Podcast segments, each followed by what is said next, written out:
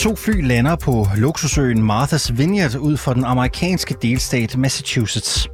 Ombord på flyene sidder 48 illegale migranter, der er på flugt fra Venezuela og Colombia.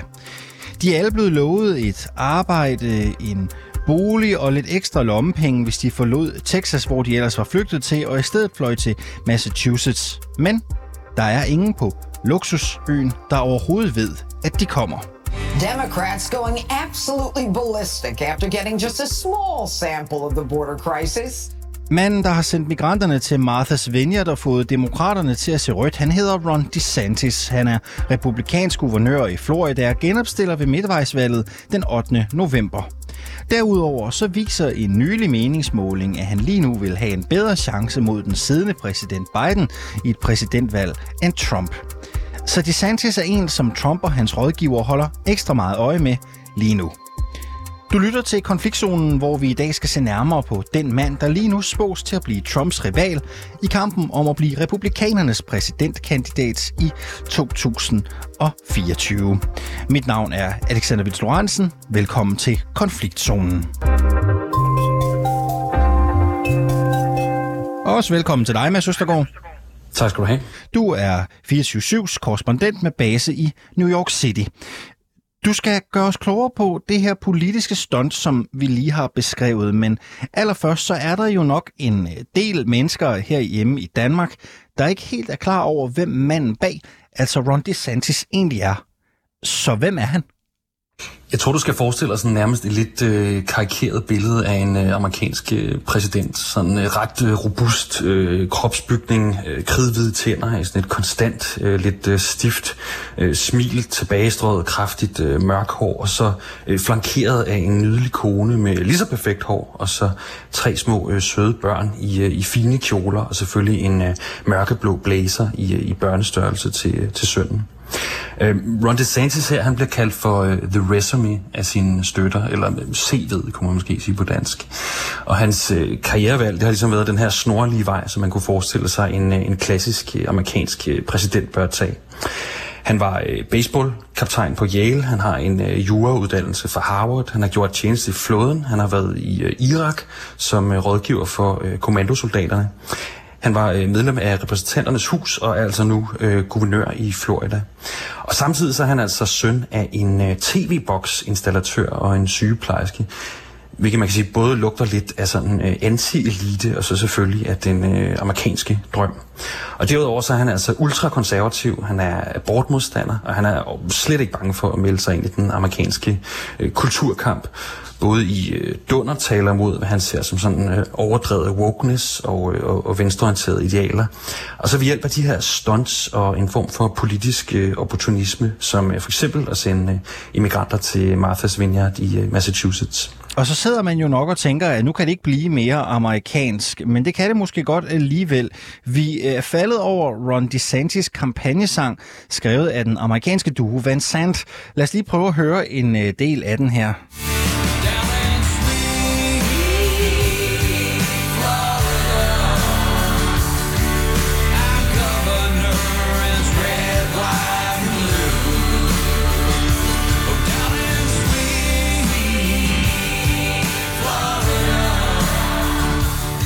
Ja, udover den her ørehængende kampagnesang, så har han jo også gjort sig ekstra bemærket med den her illegale migrantflyvning, som øh, jeg nævnte, og som vi også lige var inde på for et øjeblik siden. Østergaard, øh, du har fulgt den her sag om de 48 migranter, der blev sat af i Martha's Vineyard, efter at være flået der til i to fly, som altså var lejet af DeSantis selv. Øh, Martha's Vineyard blev jo betragtet som lidt af en luksusø for rige demokrater. Så det var vel ikke tilfældigt, at det var lige der, de skulle sættes af? Nej, det kan man, det kan man ikke sige. Altså, jeg tror, for at fange sådan signalværdien her, så er det ret vigtigt at forstå, at Martha's Vineyard, det, øh, der altså ligger uden for øh, Massachusetts kyst, det er sådan en slags øh, bastion for sådan det rige, venstreorienterede øh, nordkyst USA. Øh, Kennedy-familien, de har haft bolig der, øh, ligesom øh, Clinton-familien og Obama-familien, de har holdt øh, ferie der så man kan sige, det er måske i endnu højere grad end Washington et, et sted, som jo er et sted, altså man kan sige, politikerne arbejder, så er Martha's Vineyard et øh, sådan øh, liberalt, venstreorienteret ferieparadis. Og altså ifølge øh, Ron DeSantis et billede på det USA, der isolerer sig en eller anden form for magtelite og ikke vil se, hvad han, han ser som immigrationsproblemer i øjnene. Og altså grundlæggende så kan man sige, at det DeSantis han gjorde med det her stunt, det var nærmest et, et poker-gamble, som når man siger, I see you and I you. Altså at tage noget, som andre har gjort, og så lige give det et, øh, et nyk opad. Fordi den øh, texanske guvernør Greg Abbott, han har nemlig i et øh, stykke tid sendt busser med, med primært øh, venezuelanske flygtninge op nordpå. Som mange nok vil vide, så er øh, Venezuela jo brudt mere eller mindre sammen. Øh, de har den øh, næststørste gruppe eksternt fordrevne i verden, og så øh, har øh, USA altså ikke diplomatiske forbindelser med Venezuela, så de kan ikke bare sendes tilbage med det samme. Og ham her, Greg Abbott, altså den texanske guvernør, han har sendt immigranter til stater som for eksempel New York, hvor jeg også sidder, og andre øh, øh, såkaldte øh, sanctuary cities, der, øh, der har forpligtet sig på ikke at arbejde for, for hjemsendelse af udokumenterede flygtninge. Og der, man sige, der er det altså her, at DeSantis han afslører sig som lidt af en øh, politisk opportunist, nemlig ved at skrue en lille smule op for stuntet, og så sætte de her 48 flygtninge på et fly. Og det er altså flygtninge, som ifølge New York Times er blevet shanghajet i, i Texas, øh, altså ikke i DeSantis egen stat, Florida. Og han har altså sendt dem til Martha's Vineyard i, øh, i Massachusetts, lige ind i hjertet af den øh, demokratiske demokratiske elite. Og det har hans øh, administration altså gjort ved hjælp af alt fra øh, McDonald's gavekort til øh, falske brosyrer og til løfter om øh, arbejdspladser i den her ferieby. Og jeg tænker, det hører lige med til historien, at det er altså uden for sæson i, øh, i Marthas Vineyard. Og derfor endte de her immigranter med at vandre sådan lidt rådvildt rundt i den her halvdøde ferieby, før øh, lokalsamfundet de, øh, gik sammen og øh, organiserede en ret øh, omfattende hjælp til de her mennesker. Og det har selvfølgelig medført øh, kritiske røster fra venstrefløjen, og blandt andet fra øh, præsident Biden og nødhjælpsorganisationer, der siger, at han bruger de her mennesker som sådan en slags øh, politisk øh, fraggods. Men øh, i det republikanske bagland, der har det virkelig givet ham øh, opmærksomhed. Ja, der kan ikke være nogen tvivl om, hvad DeSantis han mener om illegale migranter. Det her det er jo ikke den eneste mærkesag, hvor han har gjort sig særligt bemærket. Han har jo startet lidt af en kulturkamp også. Hvad går det ud på? Man kan sige, at Ron DeSantis han har virkelig især øh, her på det sidste i sin øh, politiske karriere fundet en, øh, en rolle i den her verserende kulturkamp i USA. Altså meget sådan groft skitseret kampen mellem øh, konservative, sådan traditionalistiske idealer på den ene side, og så mere øh, venstreorienterede, øh, multikulturelle, liberale idealer på den anden side. Men altså modsat andre republikanere, der måske går ind i den her kamp for sådan et debatperspektiv, og i gåsøjne bare taler om, at nu er det også for meget med alt den her wokeness, så går DeSantis altså ind i kampen med, med jura og, og administration. Og blandt andet så står han bag en, en lovgivning, der simpelthen hedder Stop Woke Act. Og det er nærmest en lidt øh, komisk akronym. Altså woke, det står for Øh, wrongdoings to our kids and employees. Men det lyder selvfølgelig sådan rent fonetisk som øh, den her wokeness-bevægelse.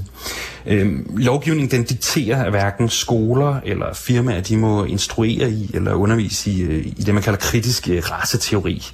Eller hvis man nu følger lovteksten, så øh, må man ikke give personer indtrykket af, at de er ansvarlige for øh, historiske ugerninger øh, på grund af deres køn, seksualitet eller hudfarve. Og det kan jo tolkes som om, at det er øh, forbudt at gøre opmærksom på for eksempel øh, racemæssige biaser eller øh, strukturel øh, racisme. Og han er også blevet kendt for en anden øh, lovgivning, der er modstandere og aktivister er blevet kaldt for Don't Say Gay-lovgivningen. Den hedder i virkeligheden øh, Parental Rights in Education, altså øh, forældrerettigheder i, øh, i uddannelse. Og det er en, øh, en lovgivning, øh, der gør, at, at skoler ikke må undervise i øh, seksuel orientering eller kønsidentitet til efter 3. klasse, eller som det står sådan ret vagt i lovgivningen, indtil øh, eleverne har nået en, øh, en passende aldersgruppe. Støtterne af den her lovgivning, de siger, at det skal være op til forældrene selv øh, ligesom at bestemme, hvornår børn skal introduceres for sådan noget som kønsidentitet og seksuel orientering, og altså ikke noget som øh, skolesystemet, de skal indoktrinere. Men kritikere på den anden side, de siger jo, at øh, LGBTQ øh, plus unge, de har øh, større selvmordsrisiko, når de ikke øh, er i et øh, miljø, der anerkender deres identitet. Også samtidig, at det vil udelukke en masse øh, undervisningsmaterialer og bøger, og blandt andet så kan man ifølge kritikere ikke læse højt fra en børnebog, hvor et barn for eksempel har øh, to forældre af, af samme køn. Øhm, og man kan sige, Ron DeSantis han har på den her baggrund lagt sig ud med en af Floridas helt store arbejdsgiver, nemlig Disney, der øh, til starten støttede hans øh, kampagne. Men altså den her såkaldte Don't Say Gay-lovgivning, den skabte altså et ramaskrig hos øh, Disneys medarbejdere, og tvang altså firmaet til at lave en kovending og i stedet øh, kritisere DeSantis. Og øh, det fik så ham til at erklære øh, værdikrig, og man kan også sige øh, administrativ krig mod øh, Disney.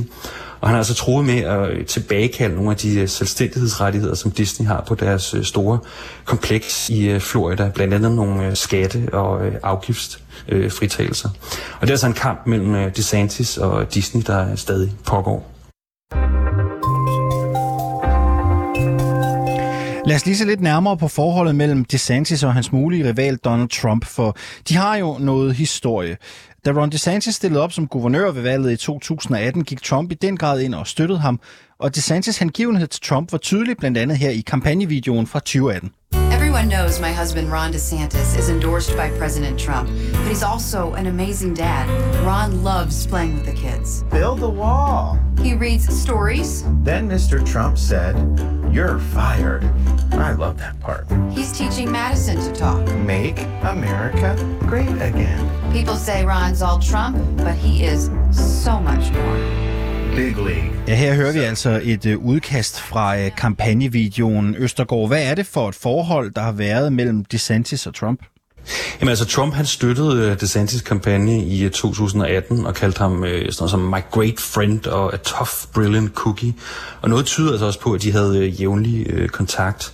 Og den her video, som du spillede lyd fra, det er også sådan, man kan nærmest kalde det sådan lidt en komisk homage til Trump. Og selvom uh, DeSantis kone med sådan et glimt i øjet, hun siger, at DeSantis han er, han er meget mere end, end Trump. Og det er altså, mens han på, på videosiden bygger en, øh, en grænsemur af klodser sammen med sit barn. Så er det altså helt klart, at det var som en, en Trump-støtte, og nærmest kunne man sige en Trump-klon, han kom til, til magten som uh, guvernør i Florida. Og det var også dengang uh, alfa og omega for DeSantis at få den her godkendelse af Trump, som man altså endte med at få på, på Twitter af alle steder. Men de her dage, de lader jo til at være over, og det ser ikke ud til, at Trump han kommer til at føre kampagne for DeSantis op til guvernørvalget den 8. november. Øh, hvorfor ikke? Altså, Trump han er jo nok bekymret over, at der er ved at indfinde sig måske en slags øh, metaltræthed med ham i, i dele af det øh, republikanske øh, bagland. Blandt andet på grund af alle de her verserende sager mod ham. Øhm, og så selvfølgelig også på grund af hans sådan lidt øh, ukontrollerbare øh, adfærd. Og så fordi, kan man sige, han jo har vist sig øh, rent faktisk være den eneste, der kan tabe til Biden. Men altså bare lige for at understrege lige nu, så er det republikanske parti stadig Trump, og, og Trump er det republikanske parti. DeSantis han øh, turnerer i øjeblikket i, øh, i svingstater sammen med Trumps støtter for at bruge sin popularitet her frem til midtvejsvalget. Så man kan sige, at han hjælper den republikanske sag sådan rent nationalt, udover altså bare i sin egen sag, øh, Florida. Men meget sigende, så har DeSantis altså ikke nævnt Trump særlig meget i sine øh, vælgermøder. Og slet ikke i forhold til, hvor meget han gjorde det i sidste kampagne. Og så er det altså også et kæmpe problem for Trump, at øh, DeSantis sådan rent økonomisk begynder at æde sig ind på nogle af Trumps øh, donorer. Hvis man øh, skal tro på kilder, som Washington Post har været i kontakt med, så lyder Trump lidt fornærmet og bitter over den her situation med DeSantis. Øh, hvordan kommer det til udtryk? Jamen altså, Trump har efter sine ringet til donorer, der har givet penge til DeSantis øh, guvernørkampagne, og så direkte advaret dem mod øh, DeSantis. Så ifølge en person, som Washington Post har talt med, der har besøgt øh, Trumps Mar-a-Lago-klub, der har Trump sagt sådan noget som, jeg forstår ikke, øh, hvad der skete her, jeg forstår ikke, hvorfor han ikke værdsætter mig mere, og han har sagt sådan noget som, jeg skabte ham, og han har sågar angiveligt kaldt uh, DeSantis uh, utaknemmelig. Og man kan sige meget sigende, så var Trumps reaktion på uh, DeSantis stunt med de her emigranter og Martha's Vineyard, det var ikke sådan udtalt ros eller applaus. Men derimod, øh, umiddelbart efter, at den her historie øh, kom ud, at, at dele en republikansk politisk øh, analyse, der argumenterede for, at det ville være risikabelt for DeSantis at øh, udfordre Trump. Mads Østergaard, 24-7's korrespondent i New York City. Tak fordi øh, du var med i programmet.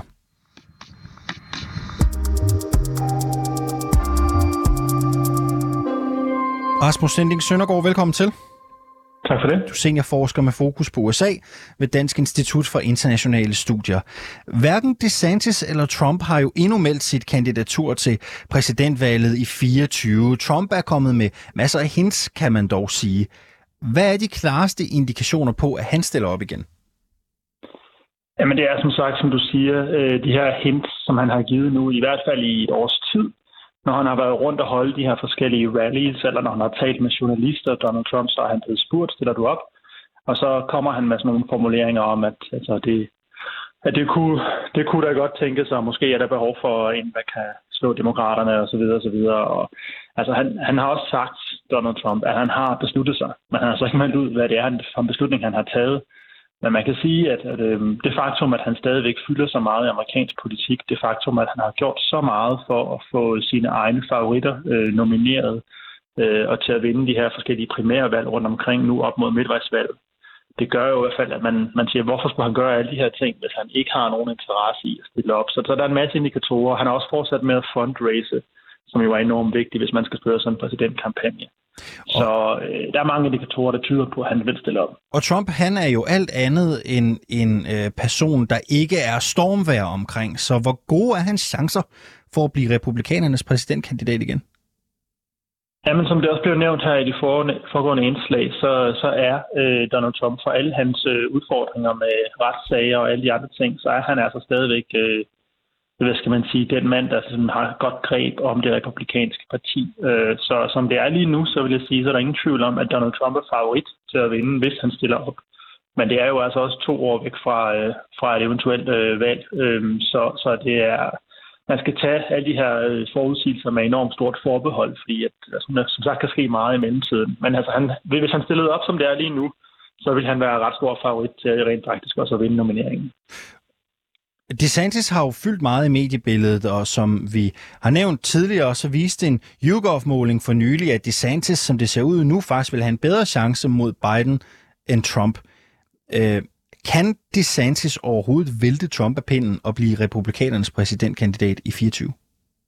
Jamen, hvis der er en, der kan, som det ser ud lige nu, så er det helt klart DeSantis. Øh, og lige præcis det der med, at der er målinger, der viser, at han måske er et bedre kort i forhold til at slå demokraterne, det er jo en af DeSantis' stærkeste sider, fordi der er rigtig mange republikanske vælgere, som målinger også siger, at de elsker Donald Trump, og det er hans første valg. Men de er lidt bekymrede for, om han rent faktisk kan slå demokraterne og derfor kunne de godt overveje at stemme på en anden. Øhm, så der er ingen tvivl om, at øh, DeSantis er den kandidat, som hvis der skal en anden på banen, som sidder lige nu, så er det helt klart ham. Og det er fordi DeSantis både formår og appellerer til Trumps base. Det er ligesom den video, I, uh, I spillede klip af tidligere her. Ikke? Altså det, han, han spiller, har spillet meget tydeligt på nogle af de samme budskaber og appellerer meget til samme vælger som Trump. Samtidig med, at han også har mere opbakning, end Trump har blandt sådan, establishment i partiet fordi han fremstiller sig lidt som sådan en, en lidt mere seriøs politiker end Trump med lidt mindre drama, som altså kan være med til at give ham den her øh, opbakning, ikke bare blandt folk, der godt kan lide Trump, men også blandt nogle af de republikanere, der ikke bryder sig så meget om Donald Trump. Så det er hans, øh, det er hans styrke. Og hvad er det så, han skal gøre? Hvis DeSantis ønsker at indtage den position som den republikanske udfordrer, hvad skal han gøre mere af? Jamen altså, man kan sige, at hans største udfordring er, at han jo ikke er lige så velkendt som Donald Trump øh, på national plan. Altså DeSantis er, øh, fylder meget, ikke mindst fordi han lavede det her stunt i medierne her, som vi også omtalt med at flyve de her migranter til Martha's Vineyard og sådan noget. Han har været god til at sætte sig selv i, i fokus. Det skal han gøre mere af. Altså han skal sørge for, at han ikke bare genvinder øh, guvernørposten nu her i Florida, men at han sørger for at være et navn, der figurerer i den nationale debat. Fordi altså, Donald Trump har jo noget nær sådan 100% name recognition i USA. Alle ved, hvem han er. DeSantis er også øh, ret velkendt, men på ingen måde på samme niveau som Donald Trump. Så hvis han skal vinde et nationalt valg, så skal han sørge for, at han får øh, skal man sige, en, en bredere opmærksomhed nationalt, øh, så han ligesom kan udfordre Trump på det punkt. Og så skal han selvfølgelig fortsætte med at fundraise, og det har han gjort exceptionelt godt. Altså op til hans øh, guvernørvalg nu her. Han har virkelig samlet flere penge, end Donald Trump har indtil videre i, i 2022. Så øh, det skal han fortsætte med. Øh. DeSantis er jo guvernør i Florida, og han genopstiller den 8. november. Hvor afgørende er det for ham, at han vinder igen i netop Florida? Altså, det er måske en forudsætning, øh, men ikke nødvendigvis nok. Den betyder på den måde, at det er klart, at hvis han taber i Florida, hvordan skal han så komme tilbage til det republikanske parti om, om mindre end to år? Og fortælle dem, at han øh, både kan slå Donald Trump og demokraterne. Det, det vil nok klinge lidt ud. Så det er afgørende for ham, at han vinder genvalg, og det er han også favorit til at gøre. Men igen, det, det, er ikke, det er ikke nok til ligesom at, at sikre ham en god position. Han skal samtidig forsøge at, at, sådan at hæve sin nationale profil også. Forholdet mellem DeSantis og Trump er jo gået fra det meget varme til det lidt mere kølige. Hvordan forholder det republikanske bagland sig til det, man jo godt kan kalde i hvert fald en ulmende rivalisering? Ja, men det, det er meget interessant, ikke? fordi at øh, offentligt, så, øh, så, så, så taler man ikke så meget om hinanden, altså Trump og, og DeSantis. Det er der blevet stille. Så frem for, man frem for at give rundt og klappe hinanden på ryggen, som man gjorde tidligere, så er det blevet stille. Øh, men, men privat, så hører man jo, altså man hører alle de her forlydende fra, fra journalister og så videre, om at de går og kalder hinanden grimme ting bag lukkede døre. Øh, og, og der tror jeg nok, at man fra partiets side foretrækker, at man holder de kommentarer bag lukkede døre, eller helt afholder sig fra at komme med dem. Fordi man vil helst undgå den her sådan, øh, mudderkastning mellem de to øh, på nuværende tidspunkt. Og ideelt set, kan man sige, så ville det jo være en fordel for partiet, hvis kun én stillede op, og der så var én stærk kandidat, der ligesom kunne cruise igennem til at vinde primærvalget. Øh, og det er klart så igen, som vi også hørt før tidligere, så øh, de, der donerer penge, de, øh, de er lidt påpasselige med nu, om de skal give på, satse på den ene eller på den anden hest, og derfor er der mange, der giver penge både til Trump og DeSantis. Så øh, man, man passer lidt lige nu fra partiets side af, fra, donor, fra donorernes side af, øh, og ikke mindst selvfølgelig fra DeSantis og Trumps side, og afventer lidt, om der måske er en, der, øh, der ikke alligevel ikke vil stille op. Øh. Hvad kommer du til at holde øje med fremadrettet i præsidentkandidaturet? Oh, altså, også andre kandidater end de to. Uh, lige nu ligner det de to, uh, men man skal huske på, med sådan, altså, de her primærvalg, altså vi har tidligere set, uh, at kandidater var langt, langt foran på det her tidspunkt. Og så kom der en anden kandidat, som man næsten ikke havde hørt om ind fra venstre eller højre, og, og ligesom endte med at få nomineringen. Det klassiske eksempel er selvfølgelig, da Barack Obama blev nomineret i 2008, hvor alle troede, det skulle være Hillary Clinton hos demokraterne. Øh, så jeg vil holde øje med også, om der er andre navne, der kommer i spil. Øh, lige nu ligner det meget de her to, men man skal også huske på, at der er lang tid til, til 2024. og, Så jeg vil holde øje med andre navne, der kunne poppe op. Øh, og så vil jeg selvfølgelig holde øje med de to her, og hvem der melder ud først, øh, at de stiller op, og hvad den anden så gør. Det sagde Rasmus Sending Søndergaard, seniorforsker med fokus på USA ved Dansk Institut for Internationale Studier. Tak fordi du var med.